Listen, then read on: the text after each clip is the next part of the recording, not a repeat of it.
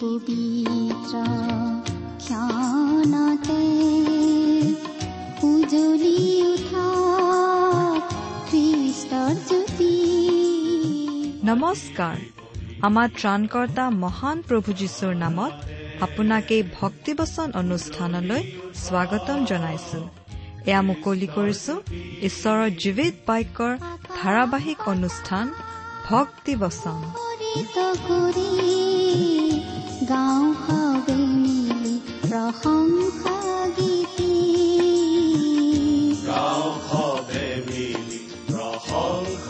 গীতি আজিৰে পবিত্ৰ ক্ষণতে উজলি উঠা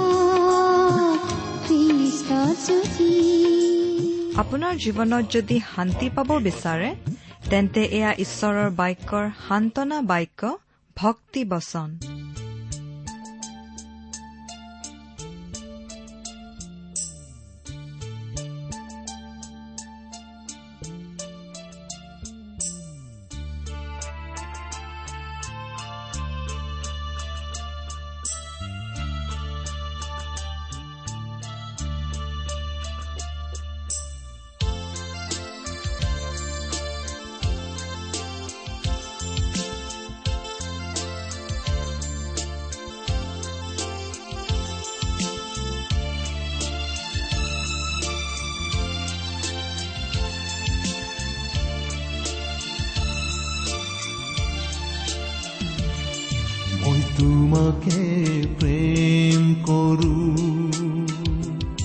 মই তোমাকে প্ৰেম কৰো মই তোমাকে প্ৰেম কৰো পিছলে উভতি নাযাওঁ তোমাৰ আগঠিৰ নত কৰি যদি যাব পাৰো তোমাৰ পথে দুকষ্ট আহিলে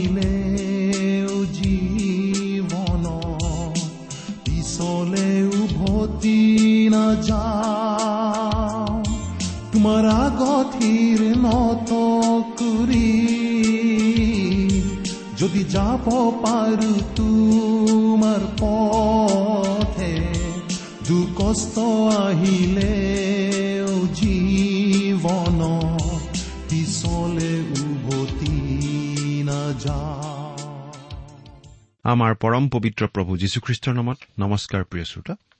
আশা কৰো মহান পিতা পৰমেশ্বৰৰ মহান অনুগ্ৰহত আপুনি ভালে কুশলে আছে। প্ৰিয় শ্ৰোতা আমি আমাৰ চিনাকি লোকসকল আমি ভাল পোৱা লোকসকল সদায় ভালে কুশলে থকাটো নিবিচাৰোনে বাৰু? ঈশ্বৰেও আমাক ভাল পায় আৰু আমি ভালে কুশলে থকাটো তেওঁ বিচাৰে। আৰু সেইবাবেই আমাক উদ্ধাৰ কৰিবলৈ তেওঁৰ একেজাত পুত্ৰ যীশুখ্ৰীষ্টক আমালৈ দান কৰিছিল। আজিও আমি তেওঁৰ সেই প্ৰেম আমাৰ জীৱনত অনুভৱ কৰি থাকিব পাৰো। আমাৰ শ্ৰোতাসকল ভালে কুশলে থকা বুলি জানিলেও আমি ভাল পাওঁ। তেওঁলোকৰ কুশল বাতৰি আমি শুনিব বিচাৰো। আৰু সেইবাবেই আমি শ্ৰোতাসকলৰ পৰা চিঠি পত্ৰ পাবলৈ আশা কৰো। আপুনি বাৰু আমালৈ চিঠি পত্ৰ লিখি থাকেনে? আমাৰ যোগাযোগৰ ঠিকনা? ভক্তিবচন টি ডাব্লিউ আৰ ইণ্ডিয়া ডাক বাকচ নম্বৰ সাত শূন্য গুৱাহাটী সাত আঠ এক শূন্য শূন্য এক। ঠিকনাটো আৰু এবাৰ কৈছো ভক্তিবচন টি ডাব্লিউ আৰ ইণ্ডিয়া ডাক বাকচ নম্বৰ সাত শূন্য গুৱাহাটী সাত আঠ এক শূন্য শূন্য এক। আহকচোন প্ৰিয় শ্ৰোতা খন্তেক প্ৰাৰ্থনাত মূৰ দুৱাওঁ। স্বৰ্গত থকা অসীম দয়ালু কৰুণাময় পিতা তোমাৰ মহান নামৰ ধন্যবাদ কৰো। তুমি মহান তুমি কৰুণাময় তুমি অনুগ্ৰহৰ আকৰ। তোমাৰ অনুগ্ৰহতেই আজি আমি প্ৰভু যীশুত বিশ্বাস কৰি পৰিত্ৰাণ পাব পৰা হৈছো তোমাক পিতৃ বুলি মাতিব পৰা হৈছো। তুমি আমালৈ যিমান অনুগ্ৰহ দেখুৱাইছা তাৰ বাবে তোমাক ধন্যবাদ দি আমি শেষ কৰিব নোৱাৰো। এতিয়া প্ৰাৰ্থনা কৰিছো তোমাৰ মহান বাক্য বাইবেল শাস্ত্ৰৰ যোগেৰে তুমি আমাক কথা কোৱা তোমাৰ মাত আমাক শুনিবলৈ দিয়া। আমাৰ মৰমৰ শ্ৰোতাসকলৰ জীৱনত তোমাৰ অনুগ্ৰহৰ আশীৰ্বাদ উপচি পৰিবলৈ দিয়া কিয়নো এই প্ৰাৰ্থনা মহান ত্ৰাণকৰ্তা প্ৰভু যীশুৰ নামত আগবঢ়াইছো।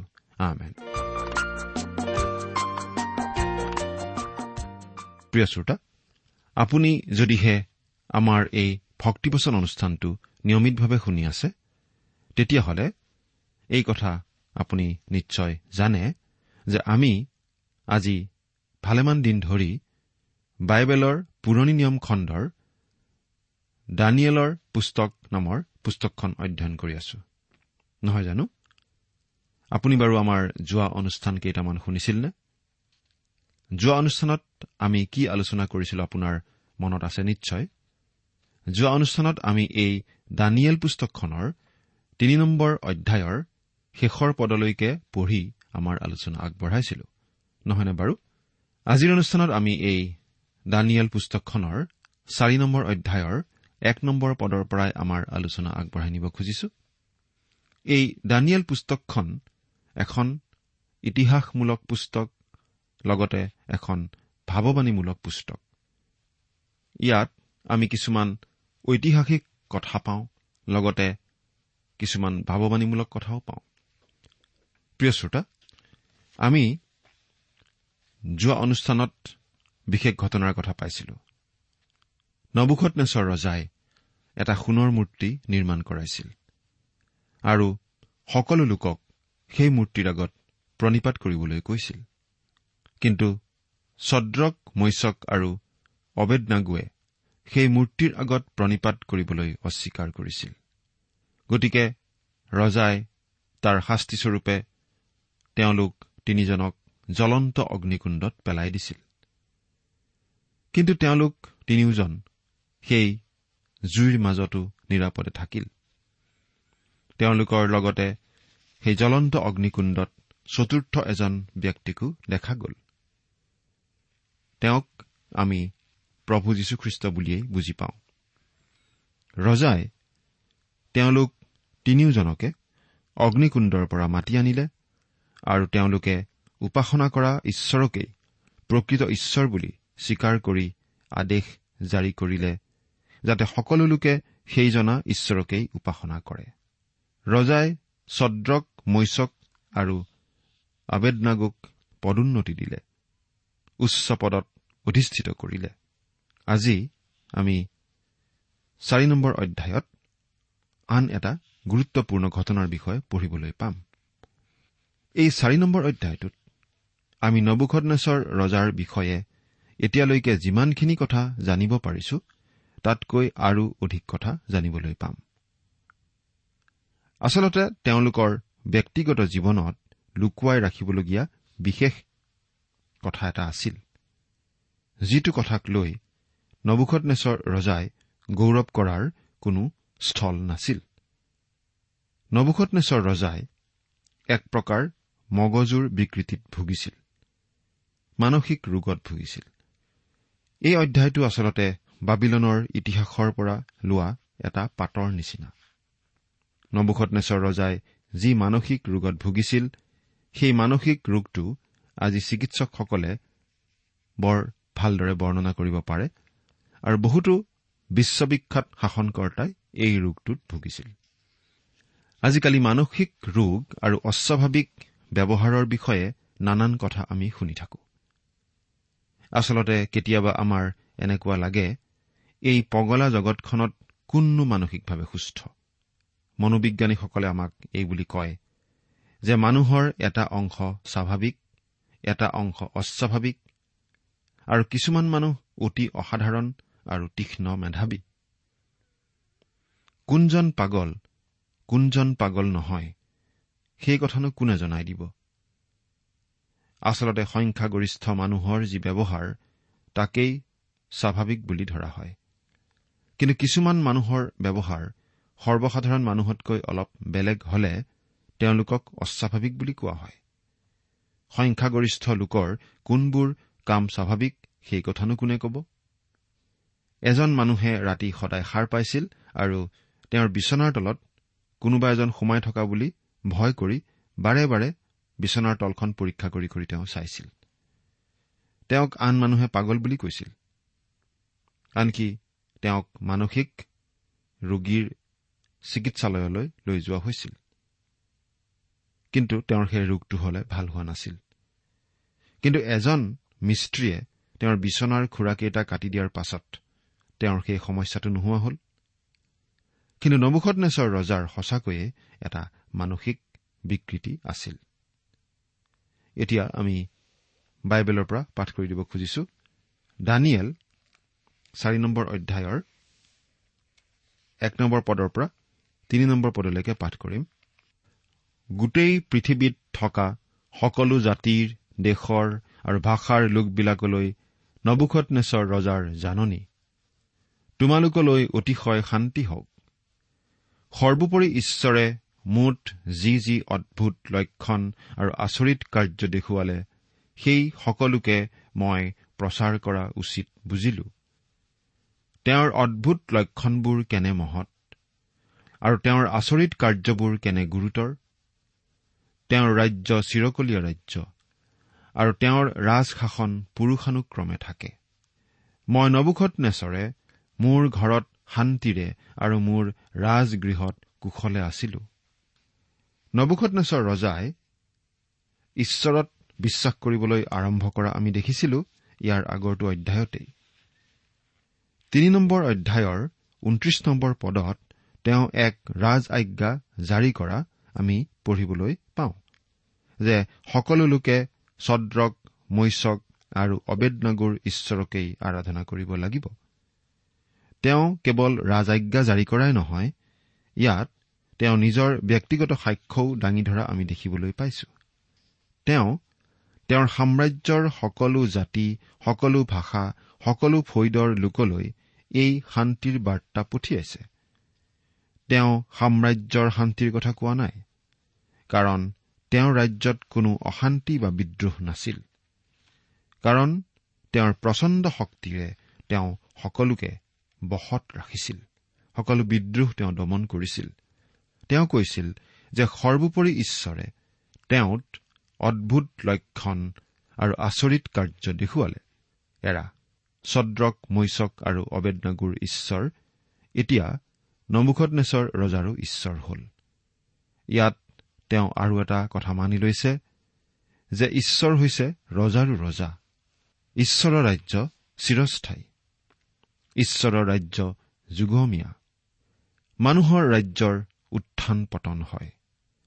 অতি পৰাক্ৰমী ৰজাও কালক্ৰমত পৃথিৱীৰ বুকুৰ পৰাই নিশ্চিহ্ন হৈ যায়। কিন্তু ঈশ্বৰ চিৰস্থায়ী। নবুখনেশ্বৰৰ দৰে বিশ্ব সম্ৰাট এজনেও এই কথা মানি লৈছে যে ঈশ্বৰহে আচল ৰজা। নবুখনেশ্বৰ ৰজাই ইয়াত যি শান্তিৰ কথা কৈছে সেই শান্তি মানুহৰ হৃদয়লৈ আহে যেতিয়া ঈশ্বৰৰ সৈতে সেই হৃদয়ৰ নিবিড় সম্বন্ধ স্থাপিত হয়। প্ৰভু যীশুৱে ক্ৰুচত নিজৰ অমূল্য তেজ বোৱাই এই শান্তি সম্ভৱ কৰি তুলিলে। যিকোনো লোকৰ অন্তৰলৈ এই শান্তি আহিব পাৰে। কাৰণ প্ৰভু যীশুক গ্ৰহণ কৰাৰ লগে লগে সকলো পাপৰ প্ৰায়চিত্ৰ হৈ যোৱা বুলি আশ্বাস লাভ কৰিব পাৰি। আমাৰ পাপৰ শাস্তি প্ৰভু যীশুৱে নিজে ললে ক্ৰুচৰ ওপৰত। পাপৰ বেচ বা শাস্তি হৈছে মৃত্যু। সেই মৃত্যু আমাৰ হৈ তেওঁ বৰণ কৰিলে ক্ৰুচৰ ওপৰত। তেজ উলিওৱা নহলে পাপমোচন নহয়। আমাৰ পাপমোচন কৰিবলৈ তেওঁ নিজৰ পবিত্ৰ তেজ বোৱালে ক্ৰুচৰ ওপৰত। সেইকাৰণে যেতিয়াই আমি প্ৰভু যীশুক বিশ্বাস কৰি আমাৰ ত্ৰাণকৰ্তা বুলি গ্ৰহণ কৰো আমাৰ সকলো পাপৰ প্ৰায়চিত্ৰ হৈ যায়। ঈশ্বৰৰ দৃষ্টিত আমি হৈ পৰো সম্পূৰ্ণ নিষ্পাপ সম্পূৰ্ণ ধাৰ্মিক। ঈশ্বৰৰ সৈতে আমাৰ শান্তি স্থাপন হয়। সকলো অশান্তিৰ মূলতেই আচলতে পাপ। এজন ডেকা মানুহে এবাৰ এই বুলি কৈছিল মোৰ কতো শান্তি নাই। মই নিজক লৈও অসন্তুষ্ট।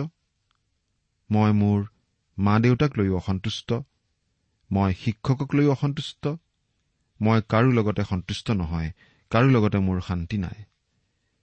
আচলতে ঈশ্বৰৰ সৈতে আমাৰ মিল হলেই আন সকলোবোৰ সম্বন্ধ ঠিক হৈ যায়। মানুহৰ অন্তৰত প্ৰকৃত শান্তি আহিলেহে আন সকলো পিনে শান্তি উপভোগ কৰিব পাৰে। সেই প্ৰকৃত শান্তি আহে যেতিয়া ঈশ্বৰৰ সৈতে আমাৰ সম্বন্ধ স্থাপন হয়। কিন্তু আমাৰ পাপেই ঈশ্বৰ আৰু আমাৰ মাজত বাধাৰ প্ৰাচীৰ। প্ৰভু যীশুৰ তেজেই সেই বাধাৰ প্ৰাচীৰ ভাঙি দিব পাৰে। প্ৰভু যীশুৰ তেজেই আমাক সকলো পাপৰ পৰা মুক্তি দিব পাৰে। এতিয়া আমি পঢ়িবলৈ পাওঁ নবুখত নেচৰ ৰজাৰ তিনিটা সপোনৰ কথা। নবুখত নেচৰ ৰজাৰ যি মানসিক বিকৃতি আছিল তাৰ প্ৰথমটো লক্ষণ আমি পাওঁ এই চাৰি নম্বৰ পদটোতেই। সেই পদটো আকৌ এবাৰ পঢ়ি দিছো। মই নবুখত নেচৰে মোৰ ঘৰত শান্তিৰে আৰু মোৰ ৰাজগৃহত কুশলে আছিলো। ইয়াতে এটা কথা বিশেষভাৱে মন কৰকচোন। এই পদটোত নবুখনেশ্বৰ ৰজাই নিজক বা নিজৰ বস্তু বুজাবলৈ তিনিবাৰ তিনিটা সৰ্বনাম ব্যৱহাৰ কৰিছে। মই মোৰ মোৰ। আমি চাৰি নম্বৰ পদৰ পৰা দহ নম্বৰ পদলৈকে পঢ়িলে এই কথাটো বিশেষভাৱে দেখা পাম যে প্ৰতিটো পদতে নবুখনেশ্বৰ ৰজাই নিজক বুজাবলৈ এই সৰ্বনামকেইটা ব্যৱহাৰ কৰিছে। অৰ্থাৎ নবুখত নেচৰ ৰজাৰ মূল সমস্যাটো আছিল তেওঁ নিজৰ কথা খুব বেছিকৈ চিন্তা কৰিছিল। ইউবৰো সেই সমস্যাটো অলপ আছিল। পাঁচ নম্বৰ পদটো পঢ়িম। এনে সময়ত মই এটা ভয় লগা সপোন দেখিলো আৰু মই শয়ন কৰা সময়ত নানা চিন্তা আৰু মানসিক দৰ্শনে মোক ব্যাকুল কৰিলে। এয়া তেওঁ আকৌ নিজৰ কথাই কৈছে। তেওঁ এটা সপোন দেখিছিল আৰু সেই সপোনটোৱে তেওঁক বাৰে বাৰে আমনি কৰিছিল। এতিয়া ছয় নম্বৰ পদৰ পৰা একেবাৰে ন নম্বৰ পদলৈকে পাঠ কৰি দিম। এই হেতুকে সেই সপোনৰ ফলিতা মোক জনাবৰ নিমিত্তে বাবিলৰ সকলো বিদ্বান লোকক মোৰ ওচৰলৈ আনিবলৈ মই আজ্ঞা কৰিলো। পাছে শাস্ত্ৰজ্ঞ গণক কলদিয়া আৰু জ্যোতিষীয়াবিলাক মোৰ ওচৰলৈ আহিলত মই তেওঁবিলাকৰ আগত সেই সপোন কলো কিন্তু তেওঁবিলাকে মোক তাৰ ফলিতা কব নোৱাৰিলে। শেষত মোৰ দেৱতাৰ নাম অনুসাৰে যাৰ নাম বেলচেছৰ আৰু যাৰ অন্তৰত পবিত্ৰ দেৱতাবিলাকৰ আত্মা আছে সেই দানিয়েল মোৰ আগলৈ আহিলত মই তেওঁৰ আগত মোৰ সপোন কলো যে হে শাস্ত্ৰজ্ঞবিলাকৰ প্ৰধান অধ্যক্ষ বেলচেছৰ মই জানিছো তোমাত পবিত্ৰ দেৱতাবিলাকৰ আত্মা আছে আৰু কোনো নিগৃঢ় বাক্য তোমালৈ টান নহয়। এই হেতুকে মই সপোনত যি যি দেখিলো সেইবোৰ বিশেষকৈ তাৰ ফলিতা মোক বুজোৱা। আমি ইতিমধ্যেই এনেকুৱা এটা ঘটনাৰ কথা পঢ়ি আহিছো। আপোনাৰ নিশ্চয় মনত আছে নহয় জানো? নবুখত নেচৰ ৰজাই আগতেও এটা সপোন দেখিছিল। আৰু সেই সপোনৰ ব্যাখ্যা সেই সপোনৰ ফলিতা তেওঁ ৰাজ্যৰ জ্ঞানী লোকবিলাকৰ পৰা বিচাৰিছিল। তেওঁ সেই জ্ঞানী পণ্ডিতসকলক কৈছিল। প্ৰথমতে তেওঁলোকে সেই সপোনটোনো কি? সেই সপোনতনো ৰজাই কি দেখিছিল? সেই কথাটো ক'ব লাগিব। ৰজাই নিজে কৈ নিদিয়ে। সপোনটোনো কি আছিল? সেইটো কৈ তাৰ পাছতহে তাৰ ব্যাখ্যা দিব লাগিব। সেই কামটো কোনেও কৰিব নোৱাৰিলে।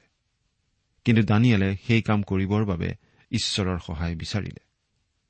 ঈশ্বৰে দানিয়েলক গোটেই কথাখিনি জনাই দিলে আৰু দানিয়েলে নবুখত নেচৰ ৰজাক তেওঁৰ সপোনটো কি আছিল সেই কথাও কলে আৰু সপোনৰ ব্যাখ্যাও দিলে। এতিয়াও ঠিক একেধৰণৰ কথা এটাই ঘটি থকা আমি দেখিছো। নবুখত নেচৰ ৰজাই সপোন এটা দেখিছে সপোনত তেওঁ কিবা এটা দেখিছে। সেই সপোনটোৰ ব্যাখ্যা ৰজাক সেই বাবিল দেশৰ জ্ঞানী পণ্ডিত কোনেও দিব নোৱাৰিলে। তেতিয়া ৰজাই বেলচেছৰ অৰ্থাৎ দানিয়েলৰ সহায় ললে। সেই দানিয়েলক তেওঁ মতাই আনিলে। আচলতে ৰজাক সেই সপোনটো ঈশ্বৰে দেখুৱাইছিল। আৰু সপোনটোৰ ব্যাখ্যাও ঈশ্বৰেই দিব পাৰে। নবুখত নেচৰ ৰজাই এই কথা জানিছিল আৰু স্বীকাৰ কৰি লৈছিল। যে দানিয়েলৰ লগত ঈশ্বৰৰ আত্মা আছে গতিকে দানিয়েলেই ঈশ্বৰৰ সহায়ত তেওঁৰ সেই সপোনৰ ব্যাখ্যা আগবঢ়াব পাৰিব। সেই আগৰ নিচিনাকৈ তেওঁ দানিয়েলক কলে মই সপোনত যি যি দেখিলো সেইবোৰৰ কথা আৰু তাৰ ফলিতা মোক কোৱা। মোক সপোনটোৰ অৰ্থ তুমি বুজাই দিয়া। নবুখত নেচৰ ৰজাই তেওঁৰ সপোনটোৰ কথা দানিয়েলৰ আগত যেতিয়া কবলৈ ধৰিছিল তেতিয়া আমি বাৰে বাৰে নিজক বুজোৱা সৰ্বনাম অৰ্থাৎ মই বা মোৰ শব্দটো ব্যৱহাৰ কৰিছিল। এই কথাটো আমি ইতিমধ্যে উল্লেখ কৰিছো কিন্তু এইটো কথাকে আমি আৰু অলপ আলোচনা কৰিব খুজিছো। প্ৰিয় শ্ৰোতা আমি ভাবো যে এই নবুখনেশ্বৰ ৰজা মানুহজনৰ মানসিক ৰোগটোৰ কথা তেওঁৰ পৰিয়ালৰ লোকসকলে গোপন কৰি ৰাখিছিল। এই বিষয়ে তেওঁলোকে নিশ্চয় বিশেষ কথা বতৰা নাপাতিছিল। কিন্তু নবুখনেশ্বৰ ৰজাৰ নিকট লোকসকলে সেই কথাটো নিশ্চয় জানিছিল। আমি ভাবো যে আজিৰ এই আধুনিক যুগৰ মনোবিজ্ঞানীসকলে তেওঁৰ এই মানসিক ৰোগটোৰ নাম দিলেহেঁতেন হিষ্টিৰিয়া বুলি। এই হিষ্ট্ৰিয়া বেমাৰটো হৈছে এটা অতি প্ৰবল আৱেগিক মানসিক ৰোগ। এই ৰোগটো এটা মানসিক ৰোগ শাৰীৰিক ৰোগ নহয়। অৰ্থাৎ নবুখনেশ্বৰ কেঁচুৱা থাকোঁতে কৰবাত পৰি মূৰত দুখ পোৱা কাৰণে এই ৰোগটো হোৱা নাছিল। এই হিষ্ট্ৰিয়া ৰোগটোৰ কেইটামান বিশেষ লক্ষণ আছে। তাৰে এটা হৈছে চমনাম অৰ্থাৎ ৰাতি টোপনিতে খোজকাঢ়ি ফুৰা আৰু এমনিচিয়া অৰ্থাৎ স্মৰণ শক্তি লোপ পোৱা। এই ৰোগটো বংশগত বুলি ভবা হৈছিল। ইতিহাসবিদসকলে আমাক এই বুলি জানিবলৈ দিয়ে যে বহুতো বিশ্ববিখ্যাত শাসকে মানসিক বিকৃতিত ভুগিছিল। এণ্টিঅকাছ এপিফেনেছ ফ্ৰান্সৰ চতুৰ্থ চাৰ্লছ ডেনমাৰ্কৰ খ্ৰীষ্টিয়ান সপ্তম ইংলেণ্ডৰ জৰ্জ থ্ৰী বেভেৰিয়াৰ অথো মহাবীৰ আলেকজেণ্ডাৰ জুলিয়াছ চিজাৰ নেপলিয়ন আদিৰ নাম এই ক্ষেত্ৰত উল্লেখযোগ্য। এই মানসিক ৰোগটো বিভিন্ন ৰাজবংশত আছিল। স্পেইনৰ ৰাজবংশ ৰাছিয়াৰ ৰাজবংশ অৰ্থাৎ জাৰসকলৰ বংশ আৰু ইংৰাজৰ ৰাজবংশটো আছিল বুলি আমাক ইতিহাসবিদসকলে কয়। আৰু আমি ইয়াত দেখিবলৈ পাইছো যে সোণৰ মূৰ অৰ্থাৎ সকলোতকৈ শক্তিশালী বিশ্ব সম্ৰাট নবুখত নেচৰ আছিল এজন মানসিক ৰোগী। তেওঁ সকলো সময়তে সুস্থ মগজুৰে সিদ্ধান্ত ল'ব নোৱাৰিছিল। তেওঁ অলপ ভাৰসাম্যহীন লোকৰ নিচিনাকৈ শাসন কাৰ্য চলাইছিল। নবুখত নেচৰ ৰজাৰ তীব্ৰ আৱেগিক ভাৱ প্ৰকাশৰ মাজত এই মানসিক ভাৰসাম্য নোহোৱাৰ কথাটো প্ৰকাশ পাইছে। নবুখত নেচৰ ৰজাই যিকোনো মুহূৰ্ততে যিকোনো দিশলৈ ধাৱমান হ'ব পাৰে। তেওঁ যিকোনো সময়তে যিকোনো ধৰণৰ চৰম সিদ্ধান্ত ল'ব পাৰে। এতিয়াই ৰুষ্ট এতিয়াই তুষ্ট। এতিয়াই ভাল এতিয়াই বেয়া। এতিয়াই খং এতিয়াই শান্ত। তেনেকুৱা এটা স্বভাৱ তেওঁৰ আছিল। প্ৰিয় শ্ৰোতা এই চাৰি নম্বৰ অধ্যায়টোৰ মূল চাবিকাঠি হিচাপে আমি আচলতে সোতৰ নম্বৰ পদটো বাছি ল'ব পাৰোঁ। এই সোতৰ নম্বৰ পদটোনো কি আমি এবাৰ পাঠ কৰি দিব খুজিছো? চাৰি নম্বৰ অধ্যায়ৰ সোতৰ নম্বৰ পদ। মনুষ্যবিলাকৰ ৰাজ্যত সৰ্বোপৰি জনাই যে শাসন কৰে আৰু যাকে তাক দিবলৈ ইচ্ছা কৰে তাকে তাক দিয়ে আৰু মানুহবিলাকৰ মাজত অতি নিজ লোককো তাৰ ওপৰত নিযুক্ত কৰে। এই সকলোকে জীয়াই থকা লোকবিলাকে জানিবৰ নিমিত্তে প্ৰহৰীবিলাকৰ আদেশেৰে এই দণ্ডাজ্ঞা হৈছে আৰু পবিত্ৰবিলাকৰ বাক্যেৰে এই হুকুম হৈছে। ঈশ্বৰে এই কথা জনাই দিছে। যে তেওঁ এই জগতৰ সিংহাসনবোৰত অতি জঘন্য অতি বেয়া প্ৰকৃতিৰ মানুহকো ৰজা পাতিব পাৰে। ঈশ্বৰে আচলতে আমাক তেনেকুৱা ধৰণৰ শাসনকৰ্তাই দিয়ে যেনেকুৱা শাসনকৰ্তা পোৱাৰ আমি যোগ্য। বহু সময়ত মানসিক ভাৰসাম্য নথকা শাসনকৰ্তাই তেওঁ ক্ষমতাত ৰাখে। দুহাজাৰ পাঁচশ বছৰ আগতে নবুখত নেচৰ ৰজাৰ ক্ষেত্ৰত ঈশ্বৰৰ এই কথাটো সত্য বুলি প্ৰমাণিত হৈছিল। আচলতে কোনো মানুহেই মানুহক কেতিয়াও সুশাসন দিব নোৱাৰে কাৰণ মানুহ স্বভাৱতেই পাপী। ঈশ্বৰে বেয়া শাসনকৰ্তা মানুহক দিয়ে এই কথাটো উপলব্ধি কৰাবলৈ।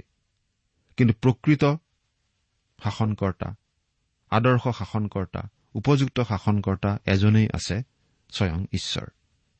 প্ৰভু যীশুৱেই হ'ব সেই প্ৰকৃত আদৰ্শ শাসনকৰ্তা। যেতিয়া আমি চিৰদিনৰ বাবে তেওঁৰ অধীনত থাকিবলৈ পাম সেই কথাটো আমি উপলব্ধি কৰিম। আপুনি বাৰু তেনেদৰে থাকিবলৈ পাবনে? চিন্তা কৰি চাওকচোন। ঈশ্বৰে আপোনাক আশীৰ্বাদ কৰক। মই তোমাৰে স্তুতি কৰো। মই তোমাৰে স্তুতি কৰো। মই তোমাৰে স্তুতি কৰো।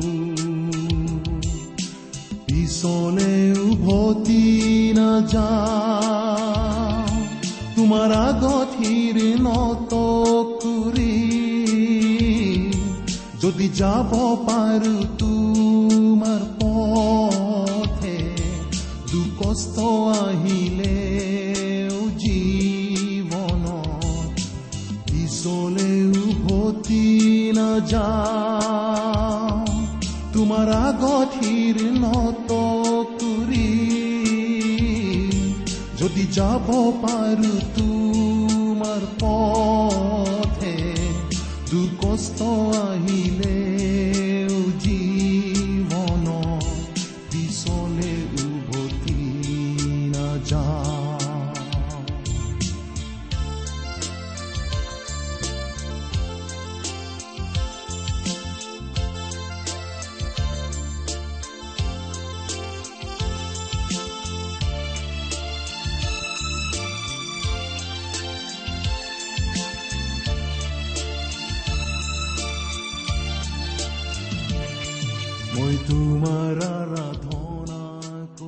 ইমান পৰে আপুনি ভক্তিবচন অনুষ্ঠানটি শুনিলে। অনুষ্ঠানটি শুনি কেনে পালে আমালৈ চিঠি লিখি জনাবচোন। অনুষ্ঠানত প্ৰচাৰ কৰা কোনো কথা বুজিব লগা থাকিলেও আমালৈ লিখক। আমাৰ ঠিকনা ভক্তিবচন টি ডাব্লিউ আৰ ইণ্ডিয়া ডাক পাকচ নম্বৰ সাত শূন্য গুৱাহাটী সাত আঠ এক শূন্য শূন্য এক। ঠিকনাটো আৰু এবাৰ কৈছো ভক্তিবচন টি ডাব্লিউ আৰ ইণ্ডিয়া ডাক পাকচ নম্বৰ সাত শূন্য গুৱাহাটী সাত আঠ এক শূন্য শূন্য এক। আপুনি ইমেইল যোগেৰেও আমাৰ সৈতে যোগাযোগ কৰিব পাৰে। আমাৰ ইমেইল আইডিটো হৈছে Assamese T TV at radio' eight eight two dot com. আইডিটো আকৌ এবাৰ কৈছো Assamese T TV at radio' eight eight two dot com. আপুনি টেলিফোনৰ মাধ্যমেৰেও আমাক যোগাযোগ কৰিব পাৰে। আমাৰ টেলিফোন নম্বৰটো হৈছে শূন্য তিনি ছয় এক দুই ছয় শূন্য চাৰি ছয় সাত এক। ফোন নম্বৰটো আকৌ এবাৰ কৈছো zero' three six one two six zero' four six seven one. আজিৰ অনুষ্ঠানটি ইমানতে সামৰিছো। ঈশ্বৰৰ শান্তি আৰু অনুগ্ৰহ আপোনাৰ লগত থাকক। ধন্যবাদ।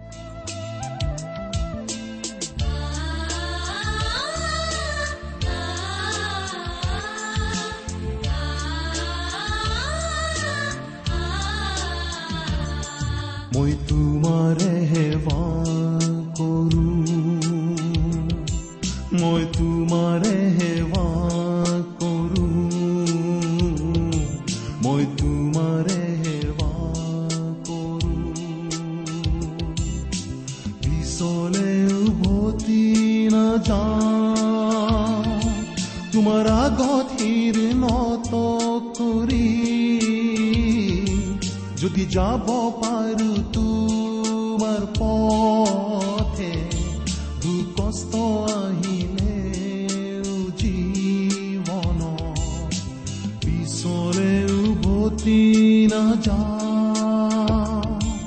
তোমাৰ আগঠিৰ নত কৰি